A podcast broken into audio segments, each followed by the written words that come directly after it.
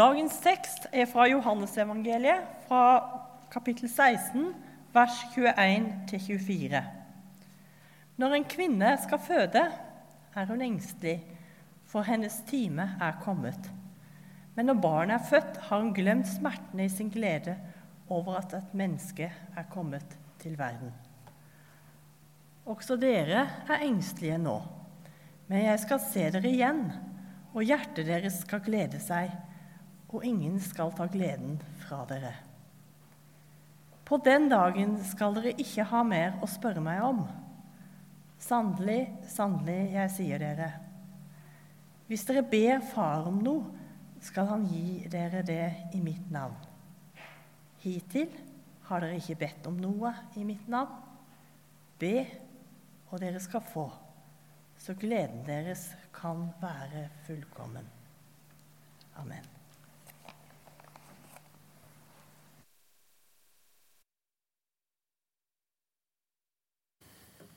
Denne teksten den er faktisk litt spesiell for meg. Eh, og Grunnen til det skal dere få vite om en liten stund. Men eh, før jeg sier noe om det, så har jeg bare lyst til å spørre Hvor mange husker taler dere har hørt opp gjennom åra? Eh, ja, jeg skal ikke ta noe håndsopprekning, for det kan bli litt pinlig. Men jeg vokste jo opp med å gå mye på Yngres og på møte og gudstjeneste og ungdomskvelder. Og jeg husker én tale fra min oppvekst, til tross for at jeg antagelig hørte ganske mange hundre. Og Hvis jeg spør dere om dere husker taler, enten det er noe her i Frikirka eller andre plasser, så tror jeg at mange vil si ja, det er ikke mange du husker. Jeg vet ikke om dere engang husker forrige søndag, hva jeg snakka om da. Og Det er jo litt, selvfølgelig litt sånn eh, deprimerende for eh, Lise og Ingebrigt og meg at eh, vi glemmer det så fort. Eh, vi har jo jobba med talene, og vi tenker at vi har noe på hjertet. Men så, så er det kanskje her og da, og kanskje noen dager etterpå. Og så er det altså glemt. Men jeg husker da en av de mange hundre talene jeg hørte i min ungdom. Og Han som holdt det, det var faktisk en nabo av meg, oss. Vi kjøpte til og med tomt av eh, han der huset vårt i dag står i Sykkylven. Han heter Bernt Fauske. Han var en veldig spesiell mann på mange måter. Han var bonde, han var lekpredikant, han var skipsreder, han var gründer. Kort sagt, han var en fargerik og ganske uortodoks person. Og eh, kanskje noen av dere som er litt oppi oppe åra, husker noe som heter brannbåtene. Før det ble Gann, så var det noe som heter brannbåtene. Og det var han Bernt Fauske som starta det. Jeg skal ikke si noe om den historien, for det vil ta hele preika. Men han, eh, han var han var en sånn sunnmørsk eh, gründer og eh, ja, original på den positive måten. Han, også, han, var også sånn som forkynner. Og Han ble en gang spurt, og det er han litt sånn kjent for i Sykkylven, han ble spurt hva kjennetegner en god tale. Og Så svarte han ja, den beste talen, sa han, det er den korte og gode. Og den nest beste talen, det er den korte og dårlige. Jeg tror ikke han hadde trivdes her i Trondheim frikirke. Her er det gjerne lange taler. Jeg merka sist når jeg så på podkasten at forrige søndag ble litt for lenge, så i dag skal jeg være kortere. Men det var Bernt Fauske. Eh, tilbake til den talen da jeg husker fortsatt. Da var jeg sikkert 12-13 år på Yngres, og da skulle han ha andakt. Og Så begynte han med å si at nå skal jeg forteller dere siste halvdel av ei setning som Jesus sa. Og så siterte han, og han sa det jo på nynorsk, så det blir på nynorsk her òg. Prikk, prikk, prikk, slik at gleda deres kan være fullkommen. Og jeg husker at dette traff meg, for hvem vil ikke ha glede? Det hørtes nesten ut for å være for godt til å være sant. Fullkommen glede. Kunne det være noe prikk, prikk, prikk som gjorde at jeg fikk ei fullkommen glede? Og Jeg husker han holdt oss i spenning. Han lot setninga henge i lufta. Hva var det Jesus sa som kunne gjøre at gleda vår kunne være fullkommen? Nå er det nok en del som tenker at ja, men vet Jesus noe om hva som gir glede, da? Eh, hva vet Gud om glede? For mange ser nok for seg Gud som en veldig streng og alvorlig person. Har et slags bilde av Jesus som gjerne mild og ydmyk, men, men veldig seriøs, veldig alvorlig. Men jeg tror at Gud, hvis han har skapt oss, så har han helt tydelig skapt oss med humor. Han har skapt oss med latter. Han har skapt oss med glede. Og det er litt interessant, eh, Nå kan jo jeg snakke om mitt barnebarn, da, som er den minste av dem, som heter Laura, som er to måneder, som er med her i dag. Det er jo fantastisk å se at den første respons som du får fra henne, hva er det? Jo, det er et smil. Når du smiler til henne, så begynner hun nå å smile tilbake. Og jeg tenker Gud må tydeligvis ha lagt noe glede, noe smil, noe latter, humor inn i oss mennesker. Og Når vi er skapt altså i Guds bilde, så forteller det meg at Gud er en Gud som smiler, en Gud som ler, en Gud med humor. Og Jeg ser for meg Jesus og disiplene når de vandrer rundt i Galilea så ser jeg for meg masse latter, masse glede rundt bål om kvelden, gode historier. Latteren triller. Gud, tenker jeg, er den gladeste personen i universet. Og du forstår ikke Gud hvis ikke du forstår hvor mye glede betyr for Gud. Så Jesus veit hvor den sanne gleda er å finne. Og jeg tenker at den lengselen vi har etter glede, lengselen etter å få le, lengselen etter den gode latteren, det er noe som han har skapt i oss. Og han vil at ingen skal ta fra oss denne gleden. Hvordan kan det da gå til? Nå husker dere kanskje resten av denne setninga fra det som vi hørte i teksten. Men jeg husker når Bernt Fauske åpenbarte eller fortalte hva det var som sto foran. Istedenfor prikk, prikk, prikk, så ble jeg litt sånn skuffa. Be, så skal det få, slik at gleda deres kan være fullkommen. Og Jeg husker jeg tenkte bønn. Er det det som kan gi glede, da? For jeg tenkte jo at bønn var noe du måtte liksom, du måtte jo holde på med det, men det var jo ikke noe sånn, jeg hadde ikke noen god erfaring av at det var med på å skape sånn fantastisk glede. Og kanskje du tenker litt det samme. Hæ? Er det dette som, som skal gi en fullkommen glede? Og noen vil jo tenke ja, jeg ser jo at hvis jeg hadde fått det jeg ba om, så hadde jeg blitt glad. Fordi vi ber jo kanskje om ting som ligger oss virkelig på hjertet, ting som er vanskelig, ting som vi strever med. Og mange tenker jo at 'jeg har bedt, og jeg har bedt', og ingenting skjer, og jeg er full av bekymring, og jeg er full av uro. Jeg er full av angst. Jeg har bedt for folk som jeg er glad i, som er syke, og de blir ikke friske igjen. Tvert imot så dør de. Så hvordan stemmer dette med dette som Jesus sier om bønn? Slik at gleda deres kan være fullkommen. Vi kan trygt slå fast, og det tror jeg dere som har gått her i Trondheim frikirke gjennom noen år, dere vet at vi står ikke her, noen av oss som er pastorer, sier jo da, bare du ber, så løser alt seg. Bare du ber, så får du det du ber om. Nei, det sier vi ikke. Vi kan trygt slå fast at vi veldig tydelig sier du får ikke alt du ber om.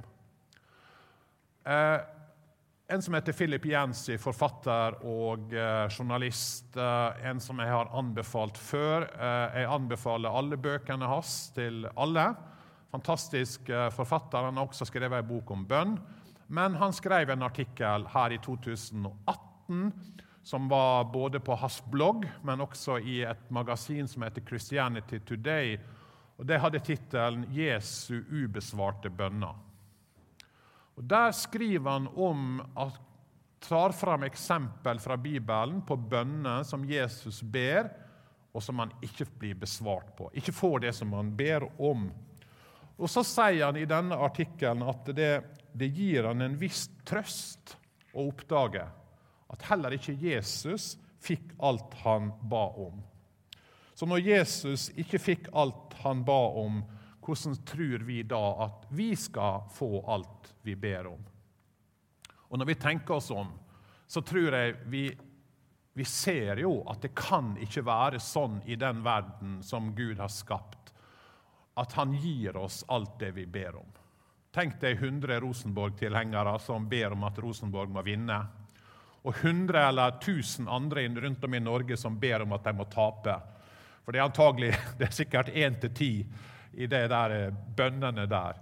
Hva skal Gud gjøre? Hvem skal han svare? Han kan selvfølgelig la det ende 0-0. Eh, det, det, er jo også bedre enn at Rosenborg vinner for mange. Men poenget er jo vi vet jo at det er mer komplisert enn som så. Det er en som har sagt at kanskje bildet av ei mor kan være til hjelp. For hvis et barn ber mora si om flere ting som alle ligger innafor det mora kan gjøre noe med Et barn kan jo selvfølgelig si til mora kan du, kan du be, ta månen og hente den til meg, og det er selvfølgelig helt umulig. Men la oss si at et barn ber sin mor om ting som ligger innafor hennes mulighet å gjøre noe med. Hva gjør ei mor da? Jo, kanskje hun gir en av de tinga barnet ber om, med en gang. Kanskje hun gir en ting barnet ber om, etter ei stund. Kanskje hun sier nei til noe barnet ber om. Eller kanskje hun sier hvis det du gjør sånn og sånn, så skal jeg gjøre det og det. Vi vet jo som foreldre at vi kan ikke gi barna våre alt de ber om. Det ville ødelegge dem. Og det ville på en måte bli en umulig situasjon.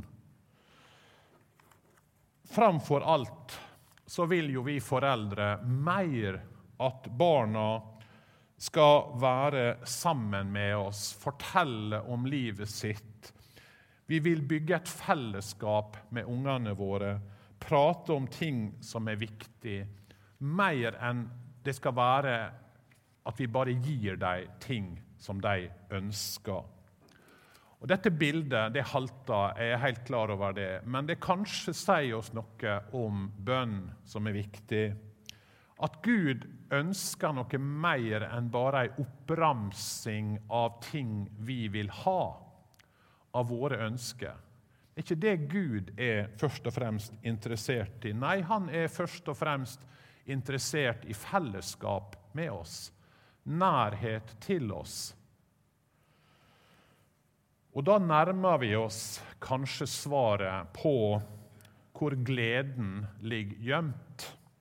Når Jesus sier 'be, og dere skal få, så gleden dere kan være fullkommen', så handler det at gjennom bønn så kommer vi i kontakt med universets gladeste person, som jeg sa til å begynne med. Bønn er å knytte oss inn mot Guds glede. Den gleden som er så uendelig mye større enn de gledene vi får ved å ha ting. Det å være nær Han, det å være hos Han, det gir oss på en måte en vei inn til den fullkomne gleden. For vi søker jo glede på feil plasser. For Jesus sier at gleden hos Han er større, den er annerledes enn alt annet.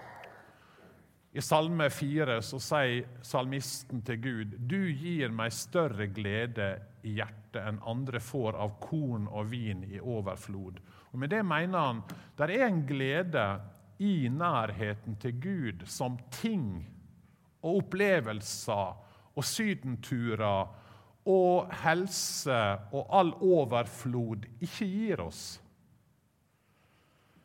Jeg husker den første gangen jeg var på en retreat i England på et kloster i åtte dager. Og da var det åtte døgn uten telefon, uten TV, uten noe som helst. Bare i stillhet og bønn. Og Jeg husker jeg grudde meg litt, fordi jeg tenkte å være taus så lenge Jeg fikk snakke med en veileder tre kvarter hver dag. Ellers var det helt taust. Jeg tenkte hva skal jeg, hva skal jeg gjøre? Hvordan skal jeg bruke hele dagen når jeg ikke kan gjøre alle de tingene som jeg vanligvis gjør? Fordi at Hvis vi tenker oss bønn, at vi skal fortelle Gud ja, det trenger jeg, det trenger jeg, og det vil jeg ha, og sånn er det, her er et problem, så er det gjort på ti minutter. Men resten av dagen Og så husker jeg at jeg opplevde en slags merkelig fred underveis på dette her. Og Jeg opplevde at bønn var noe annet enn å fortelle Gud alle mine behov og alle mine ønsker. Det var på en måte å snakke til Gud som jeg snakka til en person, og så opplevde jeg at på en måte Gud talte tilbake igjen til meg. Og så, Jeg husker jeg gikk tur en gang, og så begynte jeg å flire. Og så tenkte jeg hva er det jeg flirer for nå? For det var liksom sånn, da, da gikk jeg på en måte bare og snakka med Gud, og så sa Gud noe morsomt.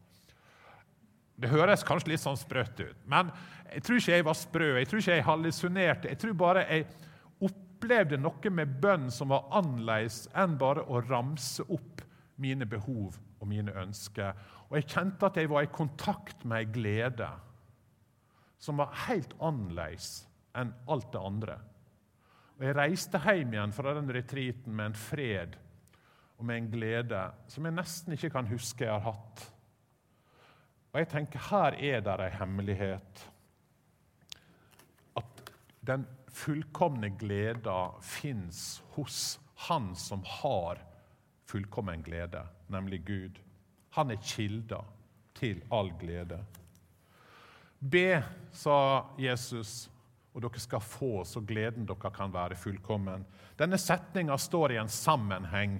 Det er Jesu avskjedstale, dette her. Jesus har en tale i slutten av Johannes-evangeliet der han forbereder disiplene sine på hva som skal skje. 'Jeg skal gå bort', sier han, 'og dere skal kjenne på savn og dere skal kjenne på engstelse.'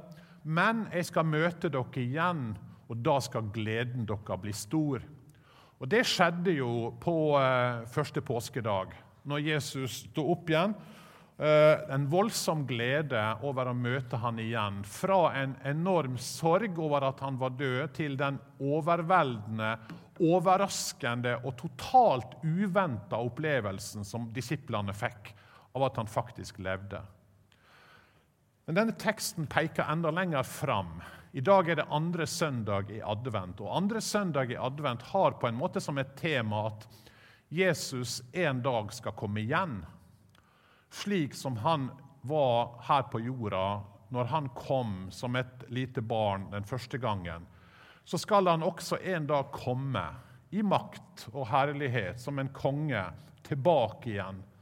Og da skal vi få erfare ei fullkommen glede sammen med Han. Og Salme 16 sier, 'Du lærer meg livets vei. Hos deg er det glede i overflod, fryd uten ende ved din høyre hånd.' Hele tanken til Bibelen er at den fullkomne gleda som vi lengter etter her, og som vi ikke får tak i Vi får smake henne, vi får kjenne på henne av og til. Den skal en dag være der uten ende. Og så lever vi her i denne ventetida. Vi venter på at Jesus en dag skal komme tilbake. Og så er spørsmålet kan vi da kjenne på noe av denne gleden her og nå. Og Det tror jeg absolutt at vi kan. Det å glede seg over alt det gode, alt vi får oppleve, alt vi får erfare, det er noe Gud vil. Hvis du slår opp i Bibelen på ordet glede, så vil du se at veldig mye handler om å glede seg over det Gud har gitt oss, det skapte. Glede seg over naturen. Glede seg over god mat, god vin. Glede seg over livet. Glede seg over fellesskapet. Glede seg over et lite barn som smiler mot deg når du smiler til det. Glede seg over å få lov å bære et barnebarn til dåpen. Alt dette, sier Bibelen, det skal vi glede oss over. Alt det vakre, alt det fine, alt det flotte Gud har skapt. Gled deg over det. I ja, femte Mosebok står det uttrykkelig skrevet, så skal du glede deg over alt det gode som Herren din Gud har gitt deg og ditt hus, både du og levitten og innflytteren som bor hos deg. Alle vil Gud skal glede seg over det gode han gir. Og Det er derfor han ber oss om å dele av våre gode, slik at alle kan glede seg. Ikke bare vi, men romfolket i Bulgaria, de fattige i Trondheim. At Gud vil at vi skal glede oss over det gode han har gitt oss. Men mer enn å glede oss over det gode Gud har gitt oss av gavene hans, så sier Gud der er ei glede i fellesskap med meg som er annerledes, og som er djupere. For den er uavhengig av de ytre omstendighetene. De gladeste personene jeg har møtt gjennom livet mitt, og jeg har møtt noen som virkelig stråler av glede, de har gjerne ikke vært rike. De har ikke vært vellykka.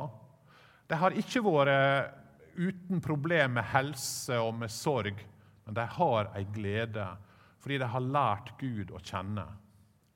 Og så er det noe med den fellesskapet som stråler fra dem. Vi nærmer oss jul. Det er jo ikke lenge igjen. Og jula er jo ei vanskelig høytid for mange. For da skal en jo være så glad. Hva er det englene synger om? Jo, ei stor glede for hele folket. Men hva når vi da føler oss trist? Når vi føler oss ensomme, når vi føler oss utafor, når vi kjenner på savn og på sorg.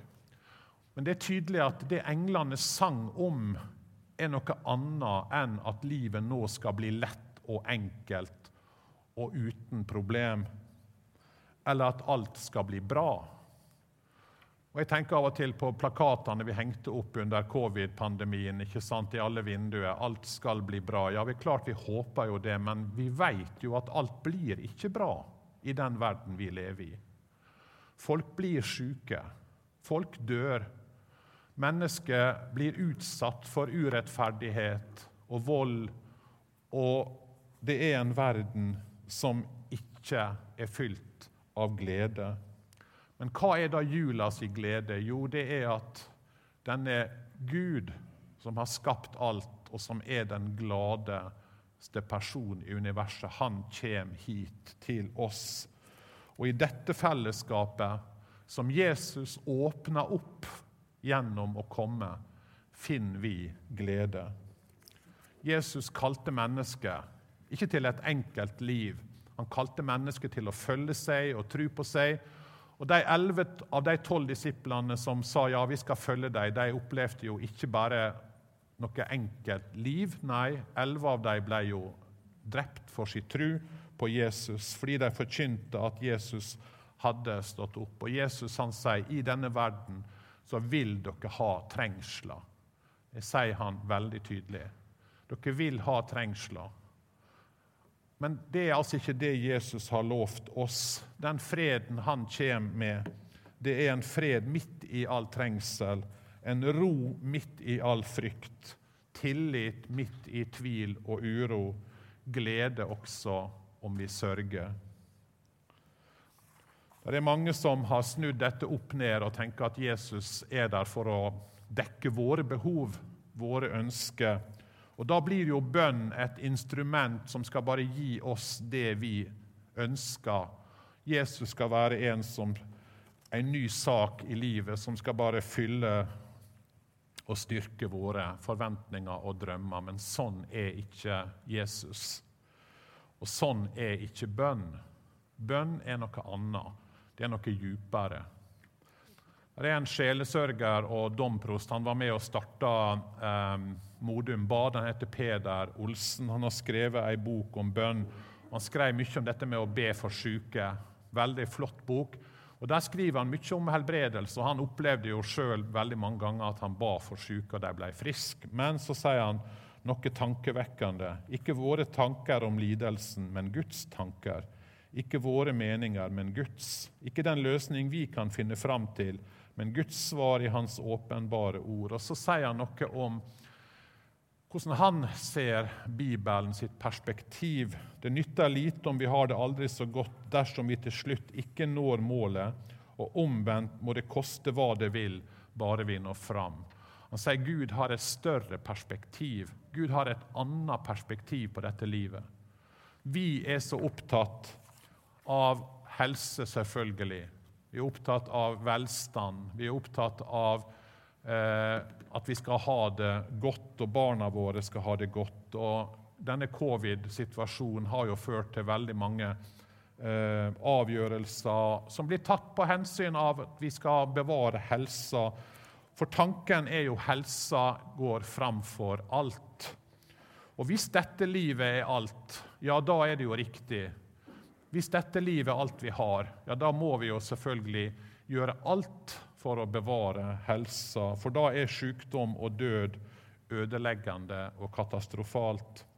Hvis derimot dette livet ikke er alt, hvis dette livet er kort og begrensa men der er ei evighet som venter. Ja, så blir perspektivet på bønn og på hvem Gud er, og hva Gud vil, annerledes. Og Det er derfor på en måte Bibelen sier, når vi sier helse framfor alt, så vil Bibelen si nei, det evige livet framfor alt. Og Det er dette perspektivet jeg ønsker vi skal ta med oss inn i denne adventstida. Vi sørger, men vi er alltid glad, skriver Paulus i et brev. Det er en merkelig setning. Vi sørger, men er alltid glad.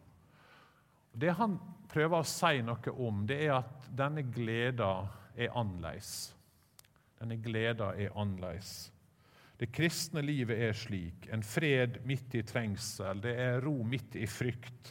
Tillit midt i uro. Glede midt i sorga. Jesus kom for å gi oss glede. Og Så sier han den dagen jeg kommer tilbake igjen, da skal ingen kunne ta fra dere den gleden. Jeg skal se dere igjen, og hjertet deres skal glede seg. og Ingen skal ta gleden fra dere. Det er en fullkommen glede. Jesus, vi takker deg for at eh, du kom med en glede som er annerledes enn kanskje den vi forventer, og den vi av og til drømmer om.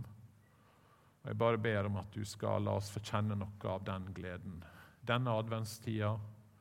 Du ser hva vi strever med, hver enkelt. Takk for at vi får lov å be. Takk for at vi kan få lov å be både for sykdom og problem, for barna våre og barnebarn og alt som vi syns er vanskelig. Og Du har sagt at vi skal be og legge alle ting framfor deg. Så takker vi deg for at det, du likevel har et lengre perspektiv og et annet perspektiv, som er den evige gleden. La oss nå fram dit, Gud. Amen.